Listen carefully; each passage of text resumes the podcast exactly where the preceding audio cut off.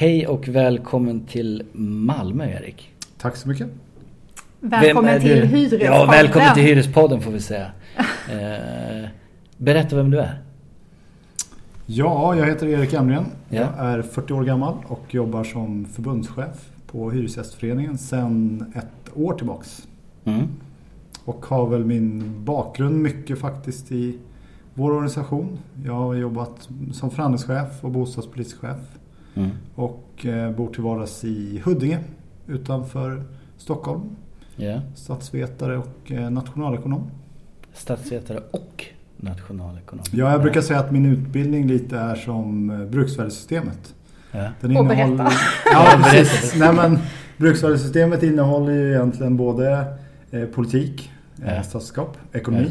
Ja. Eh, jag läste juridik Mm. eh, och fastighetsekonomi.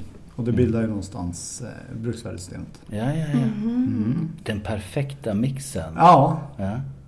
Och sen hade du haft, vad var det, 16 olika, eller 10 olika roller inom ja, Hyresgästföreningen? 15 faktiskt. 15? Så jag har väl jobbat eh, nio år på vårt eh, riksförbund Ja. och sen har jag jobbat också tre år regionalt. Mm. Så totalt är det nog 15. Mm. Alltså, 9 plus 3. Mm. Blir inte det 12? Jo. Det blir 12, ja. Ja. ja. ja. Eh, du, du sa att du hade börjat för ett år sedan ungefär. Ja, i den här rollen. I den här rollen. Du kom in mitt under pandemin då kan man säga. Ja. Eh, hur, hur hade, kan du bara liksom lite kort berätta hur det har varit? Eh, man, man tänker att börja just mitt i den. Hur, hur har det varit? Nej men det har varit en stor omställning såklart. Både Mm. för organisationen och Mm. att också kastas in i, i en helt ny situation. Men jag tycker att eh, föreningen har klarat en omställning på ett eh, utomordentligt sätt. Mm. Och jag brukar säga att eh, jag, jag har inte velat eh, vara utan, ja pandemin har vi kunnat vara utan, men Mm. själva omställningen och vad det har inneburit för oss som ändå en hundraårig organisation så Mm. har det varit positivt faktiskt för Hyresgästföreningen. Är det framförallt det här med digitaliseringen då eller? Ja men digitaliseringen såklart, den tror jag är en väldigt viktig del i den omställningen som har gjort. Men jag tänker också att själva organisationen har nästan fått ett liksom lite annat mindset. Vi har anpassat oss och utvecklat och varit lite mer lättrörliga, vi har kunnat ställt om. Mm. Eh, Och det har varit väldigt positivt för Mm. vår verksamhet. Mm. Så att det, det har varit nästan nödvändigt. Så ur den aspekten tycker jag att, att eh, tufft att komma in i det läget. Vi stängde ner alla kontor. Mm. Mm. Men så här i efterhand så känns det som att det har varit eh, två, två, får man säga då, väldigt nyttiga år för organisationen. Ja.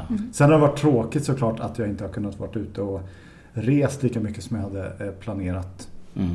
Och det är ju extremt roligt. Det är det roligaste faktiskt med att vara förbundschef. Det är att vara ute i verksamheten. Mm. Träffa medarbetare, prata Mm. om de här viktiga frågorna. Så du, du tycker inte att det varit skönt att sit- sitta hemma med Teams? Nej. eh, Ingen drömscenario? Nej, Liksom. kombinationen tror jag har varit eh, okej. Men det är ju, Mm. det, vi är ju en folkrörelse. Mm. Ja. Och en folkrörelse bygger ju på möten. Ja. Och eh, därför så är det väldigt kul att vara ute i verksamheten. Ja. Ja, apropå pandemin, vi har ju levt med den i snart två år. Ehm, har pandemin påverkat hyresmarknaden? Ja men det har den definitivt gjort. Och jag tänker att det handlar både om på kort sikt. Men jag tror att de långsiktiga effekterna av pandemin har vi inte sett än. Och de tror jag vi har framför oss. Men, men tittar man lite på hur det har påverkat bostadsmarknaden. På kort sikt så är det ju att om man börjar med den delen som handlar om, om, om eh, det som man ser i förändrade kanske värderingar och beteende är ju att vi har sett en utveckling mot att man eh, i och med att man kanske har suttit hemma och jobbat, man, man kan tänka sig att bo eh, lite längre ifrån städer, alltså närmare natur. Mm. Mm. Eh, det, var, det har vi sett en sån tydlig eh, trend. Eh, så jag tror på själva bostadsmarknaden kommer nog förändras mycket av pandemin. Helt plötsligt är en del av arbetslivet att man jobbar hemifrån. För en del ska vi komma ihåg. Ja. Sen finns det ju en del som inte haft möjlighet att jobba hemma. Men där tror jag vi ser en förändring. Eh, men sen har det ju varit också eh, många negativa saker såklart som våra medlemmar har upplevt. Ohälsa, trångboddhet eh, och som sagt alla har inte kunnat jobba hemifrån heller. Ehm, och där har ju vi också såklart har det varit också mycket påverkat arbetsmarknaden mycket, väldigt Mm. mycket. Mm. Eh, osäkra anställningar, försämrade ekonomier, permitteringar, Mm. uteblivna arbetsplats. Och det har ju i sin tur lett att det har blivit oro och Mm. också fått ekonomiska konsekvenser för många hyresgäster.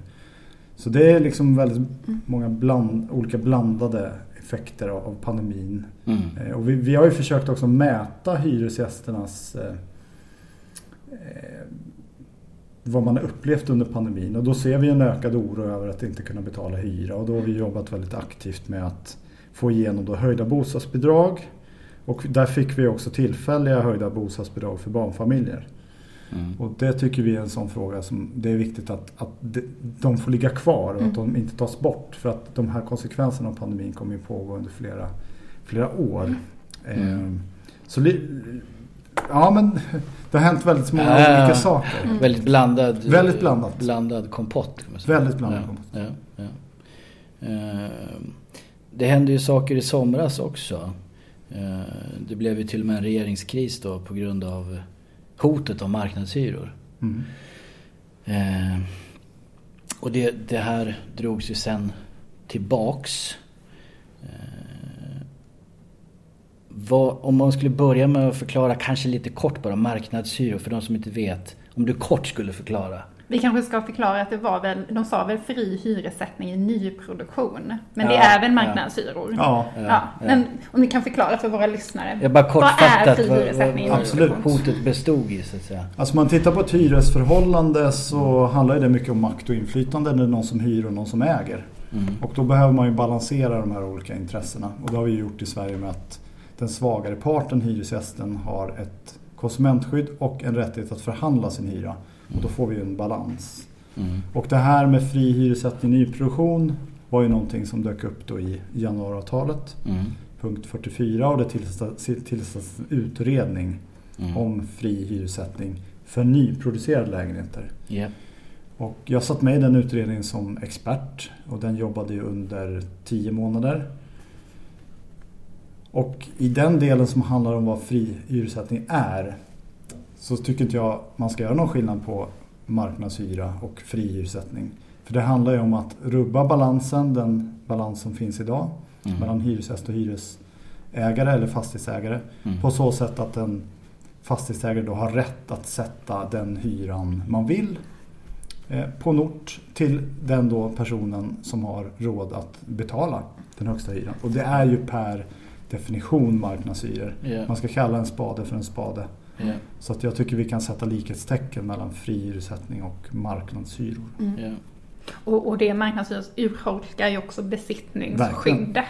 Det gör det. Eh, Det vill säga den här rätten att man får bo kvar om hyresvärden säger upp. Och den är så oerhört viktig. Mm. Just rätten att bo kvar. Mm. Och det är därför det behövs ett starkt konsumentskydd. Ja. Det här drogs ju sen som sagt tillbaks då. Eh, se- Ser du, jobbar Hyresgästföreningen fortsatt med den frågan nu? Eller är den så att säga bortskuffad för all evighet? Eh, Just nu tror jag frågan är bortförd från den politiska dagordningen. Ja. Tack och lov. Och det Mm. var ju ett liksom intensivt arbete som låg bakom att det blev så. Mm. Och det var ju till slut Vänsterpartiet som faktiskt eh, också drev frågan till där den hamnade Ja. i, i riksdagen. Ja. Och vi är väldigt glada för det. Mm. Att den frågan är, är borta från den politiska dagordningen och att frågan ströks sen Mm. ur januariavtalet. Men det vi också vet är ju att den kommer tillbaks. Mm. För Mm. vår organisation har funnits i 100 år. Den är liksom grundad lite på eh, frågan om hyran. Mm. Och en kollega till mig som har slutat på Riksförbundet han sa alltid att kampen om hyran är evig. Mm. Och det ligger väldigt mycket där. Eh, för att det här innehåller väldigt mycket makt och inflytande. En väldigt politisk fråga. Mm. Tyvärr får man fråga men det handlar om ideologi väldigt mycket. Mm. Så frågan kommer komma tillbaks, definitivt. Ja. Lite som en boomerang. Just nu är den borta. Men Mm. den kommer komma tillbaks. Kommer ni komma tillbaka till valet 2022? Nej men det tror jag inte den gör faktiskt. Men vi som organisation och hyresgästerna behöver ha koll på att den inte gör det. Mm. För den kan ju... Det går väldigt fort i det politiska landskapet kan vi ju konstatera. Mm. Mm. Mm. Så att det, det kan ju vara så att frågan dyker upp. Men just nu är den borta från den politiska dagordningen. Och hur jobbar vi med det då? Att det inte ska komma tillbaka eller att vi har Ja. den här debatten fortfarande? Nej men och där ligger ju ett väldigt starkt ansvar för oss som part att utveckla förhandlingssystemet. Det är ett system som har funnits sedan 1969. Eller egentligen, det växte fram eh, när man fasade ut hyresregleringen och skulle ersätta det med någonting annat. Och då började vi och Sveriges allmännytta att förhandla hyrorna. Och sen kom privaten in i det här systemet på 70-talet och det är det system som vi har haft. Mm. Men det är klart, ett sådant system behöver ju alltid utvecklas. Mm. Och för oss är det ju viktigt att se till att vi har bruksvärdeshyror eller det vi kallar då systematisk hyressättning. Ännu ett komplicerat Mm. Mm. eh, Begrepp. ord. Ja, det är väldigt mycket Ja, ja. komplicerade begrepp i Ja, det här. ja. Men, Men det vi har väldigt, eh, vad ska man säga, välutbildade lyssnare, eller hur Ja, Josefin? det har vi. Ja, De hänger med. ja, det är bra. Ja. Skönt att höra. Ja. Och då gäller det att se till att vi verkligen har bruksvärdeshyror på varje Mm. ort. Mm. Och har vi inte bruksvärdeshyror, att man inte har en hyressättning som ska spegla då hyresgästernas värderingar på en ort. Då, då fungerar ju inte systemet. Och det är där ibland som det kan bli kritik. Och där har vi ett jobb att göra, att utveckla förhandlingssystemet med parterna då. Sveriges allmännytta och fastighetsägarna. Och där sitter vi till exempel idag i trepartssamtal Mm. och pratar om vilka grunder som ska gälla för de årliga förhandlingarna. Ja. Vi pratar om tvistlösning med fastighetsägarna. Och jag tror, jag tror ändå att ett system som har funnits så länge måste hela tiden vårdas, utvecklas Mm. för att också följa med samtiden. Ja. Ja. Och det får vi nu en möjlighet att göra under ett antal år. Perfekt. Då har vi ju snackat lite om vad som har hänt det här året, men det har väl Mm. hänt mer? Vad har, vad har Hyresgästföreningen gjort under det senaste året? Är det någonting som du, förutom re- regeringskrisen? Ja, förutom som, det vi har berört kanske. Mm, Ja, men väldigt många olika saker har hänt. Om man blickar tillbaks till på 2021 Mm. så har det ju hänt extremt mycket i bostadspolitiken. Och att den fråga som ligger närmast oss, bostadsfrågan, har varit högst upp på den politiska dagordningen. Och där en statsminister faktiskt fått, röst, fått lämnat sin post på grund av det här. Det är ju väldigt stort. Eh, Det tycker jag man måste konstatera och det kommer nog inte hända någon mer gång. Eh, Så det har varit väldigt intressant. Det har varit väldigt mycket jobb i de här utredningarna i januariavtalet. Det har inte bara handlat om fri hyressättning i nyproduktion. Det har handlat om en kommission som har tittat på lägesfaktorn. Och så finns det också en utredning kvar om tvistlösning. Mm. Så att vi som har jobbat på Riksförbundet har jobbat väldigt mycket i och runt de här utredningarna. Och det är ju ett väldigt kul men ganska slitsamt jobb. Men det har ju också givit effekt. Mm. Och jag, där måste jag säga något om den svenska liksom, förvaltningsapparaten. Att det är ändå en, en bra ordning tycker jag att, att det är oberoende utredare med hjälp av expertgrupper som jobbar eh, med att ta fram lagstiftningen. Det, Mm. det blir en bra process eh, och den tycker jag vi ska vara stolta över i Sverige faktiskt. Mm. Att Ja. vi har den ordningen. Sen Ja. var förslagen dåliga men det är en annan sak. Ja. Men annars såklart så har ju coronapandemin påverkat eh, bostadsmarknaden väldigt mycket. Eh, vi har ju också gjort många förflyttningar i termer av att vi har tagit fram ett eh, bostadspolitiskt program. Tio Mm. punkter. Det var viktigt för mig som ny förbundschef att ringa in några av våra viktigaste frågor. Mm. Vilka är de tio viktigaste bostadspolitiska frågorna? Och också som organisation börja säga ja till saker. Ibland kan vi hamna i det här att vi... Nej, Nej, nej exakt. Ja, ja. Och det i sig kanske beror på att vi företräder ju den part i ett hyresgästförhållande som är reaktiv. Ja. Hela rörelsen är ju en slags reaktivitet på Mm. någonting. Vi vill Man hyr- hyran. Nej. Exakt, man hyr, någon äger. Mm. Eh, Och då blir det lätt att vi hamnar i det nej. Men då har vi istället ett tiopunktsprogram där vi säger ja Mm. till allt utom marknadshyror. Men om någon säger så här, vi vill höja hyran, säger vi ja då? Nej, då säger vi nej, låt oss förhandla om det. Eh, Ja, okej. Ja, bra. Så säger vi då. Mm.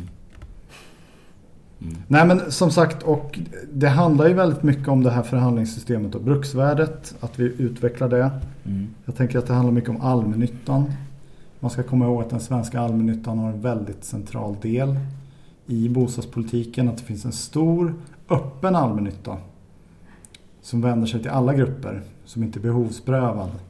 Och den är väldigt viktig för det svenska förhandlingssystemet. Och där kan man bli lite orolig tycker jag om man blickar nu på vad som har hänt under 2021. Att vi har fått in till exempel Akelius har ju sålt hela sitt bestånd. Heimstaden har Mm. Ja. 42 000 lägenheter. Är Sveriges största hyresvärd. Vonovia som är en av världens största hyresvärdar är, har kommit till Sverige. Och det handlar om privata. Himstaden, det är en privat Det är en privat värd. ja. Mm. värld. Mm. Exakt.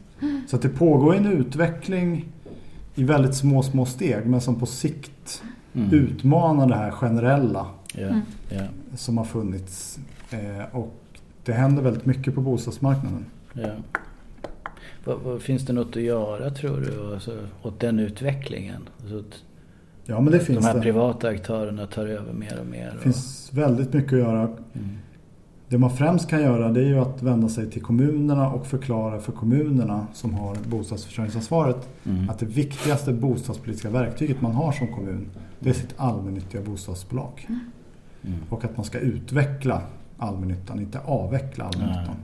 För Inte sälja ut. Exakt. Nej. För allmännyttan står ju dels bara begreppet till allmän nytta. Mm. Och det står ju också för en stabilitet och långsiktighet. Mm. Mm. Och när du menar utveckla, menar du då bara att det ska vara fler lägenheter som de har eller ska det också handla om en eh, god bostad eller Ja, men både, allting både och? ja, både och, Mm. tänker jag. Mm. Att i de delarna bygga nya allmännyttiga bostäder för Mm. att klara bostadsförsörjningsansvaret. Men också om att trygga själva bostaden. Mm. Jag möter ju många medlemmar i många områden som faktiskt inte vet vem man har som hyresvärd. Mm. Mm. Man har bytt hyresvärd kanske nio gånger de senaste tio åren. Det finns Mm. skräckexempel på. Mm. Det skapar en otrygghet. Mm. Och otrygghet har vi ju redan idag i samhället och i bostadsområden. Det här spär på den otryggheten. Ja. Jag tänkte på det, nu ska vi inte fördjupa oss i det kanske, men varför har det blivit så över tid att allmännyttan har liksom börjat avvecklas? Som man ska säga. Va- Varför har man inte värdesatt den eh, under de senaste 10, 20, 30 åren? Eh, Förstår du? Ja, nej, men det är ju en, en ideologisk fråga Ja. eh, skulle jag säga. Det har ju skett en allmän privatisering i Mm. samhället. Och det, det har ju också eh, påverkat då de kommuner Mm. som har valt att sälja ut sin allmännytta. Mm. Nu är vi i Malmö idag och jag tycker Mm. den kinesiska muren är ett bra exempel. Den Mm. fastigheten byggde MKB 1971. Mm. Sen har det varit olika ägare och en bostadsrättsförening då här nu. Vilka köper tillbaks fastigheten? MKB. MKB. Ja. Och det här händer ju faktiskt emellanåt och kommer hända. Mm. För att det som har hänt på senare år är att allmännyttan har sålt ut och så har man Mm. konceptrenoverat lägenheterna. Det vill säga att man har renoverat ytan. Eh, man har inte gjort det stora underhållet i varje lägenhet. För att få upp fastighetsvärdet och få upp hyrorna. Men vad händer då för de lägenheterna om vi får vikande fastighetsvärden och räntorna går upp? Då kommer de kanske vilja avyttra dem. Och vilka kommer köpa tillbaks då sådana lägenheter i till exempel Arboga? Mm. Det är förmodligen kommunen och då har det varit en ganska dålig affär. Mm. Mm. Mm. Sen tänker jag att det är viktigt att ha mycket av allt.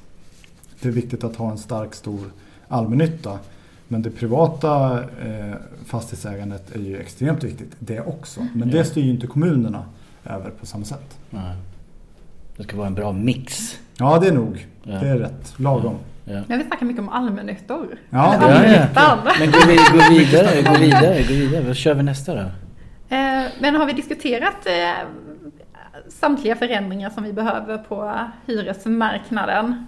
Behöver vi fler? Behöver vi några förändringar? Jag har ju nämnt några kanske.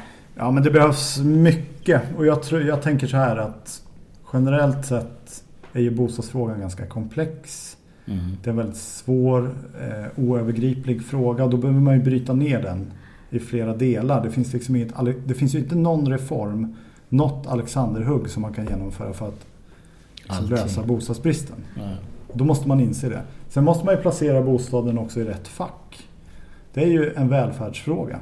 Det handlar om, precis, det handlar om vård, skola, arbete och bostad. Där hör bostadsfrågan hemma. Och då är det flera olika nivåer. Mm. Staten kan, tror jag, ta ett mycket mer större finansiellt ansvar för liksom bostadsbyggande. Så att man liksom håller igång bostadsbyggandet.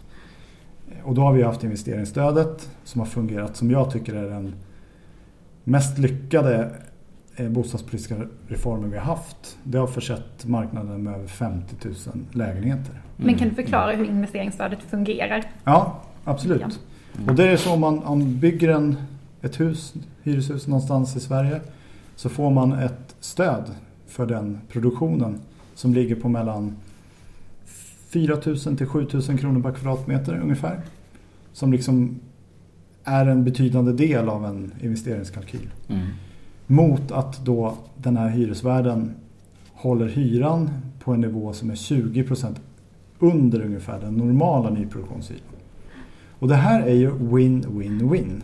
Det är win för samhället och staten för att byggandet hålls igång. Mm. Det är win för fastighetsägaren som får liksom en boost och en turnover i sin kalkyl. Och det är vinst för hyresgästen som då kan flytta in i ett hus där nyproduktionshyran är 20% lägre. Mm. Och det har varit en oerhört framgångsrik eh, bostadspolitisk reform. Och det är ju så sorgligt då att se nu att den är bort. borttagen i Ja. M, KD och SDs budget. För Mm. det har verkligen eh, varit en framgångsrik reform. Men vi har också märkt att synen på investeringsstödet har faktiskt förändrats till något positivt.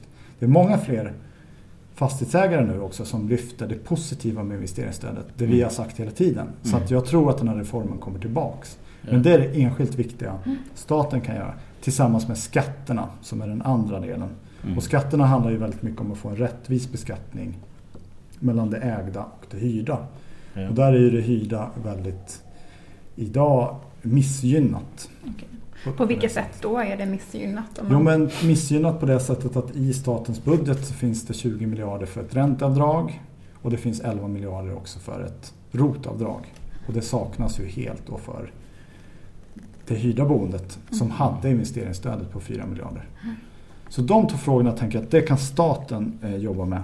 Men sen är ju bostadsfrågan kommunal. Det är kommunerna som har bostadsförsörjningsansvaret. Och kommunerna kan bli mycket bättre på markförsörjning och planering. Att se till att jobba med sin mark och planera fram mycket fler eh, bostäder. Mm. Och kommunerna har en väldigt viktig roll här tycker jag. Och då handlar det inte så mycket om reformer här utan politisk vilja, mod, göra. Det Mm. finns ju så många kommuner som faktiskt är duktiga på att jobba med sin mark, ta sitt bostadsförsörjningsansvar och som bygger mycket. Så att det går ju om man vill, Ja. verkligen. Och det finns många sådana kommuner i Sverige. Mm. Eh, Och eh, just markförsörjningen och planeringen av bostäderna ligger ju på kommunal nivå. Så det är väl några av de delar tycker jag som är värda att lyfta fram då Mm. eh, tillsammans med en annan viktig fråga för oss och det handlar ju om renoveringar. Där vi tycker att dagens lagstiftning är alldeles för eh, dålig. Och det behövs eh, ett starkare konsumentskydd i renoveringar som gör att fler hyresgäster har råd att bo kvar Mm. i sina Ja. lägenheter. Ja. Och att de får möjlighet att kanske påverka. Då. Exakt. Få inflytande Ja. Mm. och Mm. valfrihet. Det finns mycket att jobba med. Det finns jättemycket Ja. att göra i Ja. bostadsfrågan. Det gör det Ja. verkligen. Ja. En avslutande fråga också. Eh, ditt eget drömboende. Ja, den är svår. Den är svår. Den är riktigt svår. Är den det? Ja, men jag Alltså vi, tänker, vi, ja. vi tänker kanske lite så här. Alltså, ditt eget drömboende men också hur du kanske skulle vilja se att om man säger ett, ett drömboende i samhället Ja. såg ut. Ja, Förstår du? absolut. Ja. Nej, men det drömboendet skulle nog baseras på valfrihet väldigt mycket. Mm. Att man som konsument kan välja. ja. Eh, och att staten inte styr det valet. För att idag så styr ju staten mot att man ska äga. Mm. Eftersom det är 30% avdrag på att äga. Kan man Ja, ju ja. förenklat säga. Så ett mer fritt val. Ja, där alla upplåtelseformer konkurrerar med varandra på lika villkor. För så är det inte idag. Ja. Hyresrätten är ur den aspekten tyvärr missgynnad. Mm. Så mitt drömboende skulle utgå ifrån att först göra alla upplåtelseformer likvärdiga. Mm. Nu ställs de mot varandra på ett eh, orättfärdigt sätt. Ja. Ja. Sen är ju ett dröm- drömboende naturligtvis baserat på var i livet man befinner sig. Mm. Såklart. Vart befinner du dig då? Jag befinner mig då i livet. Om det skulle vara ditt drömmål? Ja, just nu så skulle jag vilja bo på ett kalfjäll. Ett kalfjäll? Ja. Och bara liksom landa lite sådär innan julen och Ja, ja, ja. Öppna dörren och Lugn och få frisk fjällluft och ha lite lugnt och skönt. Mm. Men det skulle man ju tröttna på.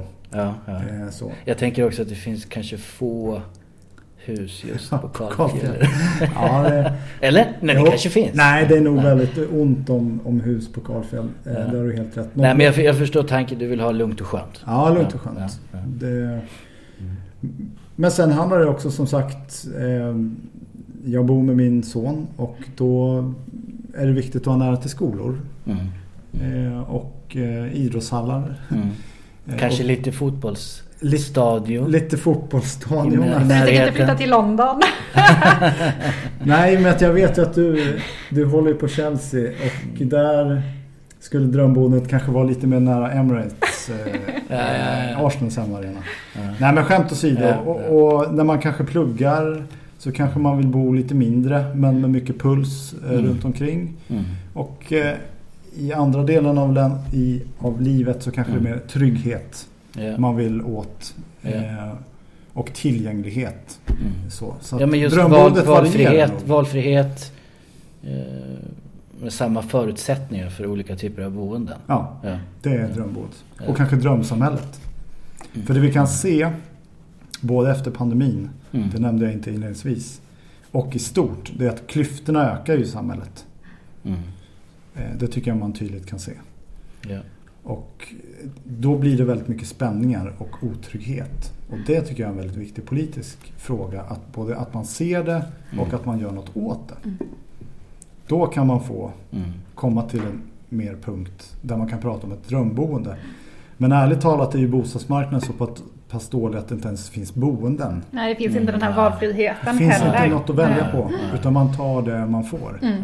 Och det är ju ett väldigt dåligt samhälle Mm. faktiskt. Och det märker vi ju hela tiden i vårt arbete. Ja, ja, ja. Ja, det Människor som bor som Ja. kanske inte vill bo precis där Mm. eller med den hyresvärden. Exakt. Så vi behöver göra något åt Mm. bostadsbristen. Mm. Mm. Helt Mm. enkelt. Också. Sen Mm. kan det bli drömboenden. Mm. Sen Kalfjället. Sen Karlsfjället, möjligtvis. Ja, det låter ju underbart. Men jag tror vi, tack, vi tackar dig Erik. Ja men stort tack. Ja, Tack för att jag fick tack komma. för att du ville vara med. Tack så Ja. mycket. Då. Hej då. Hej då.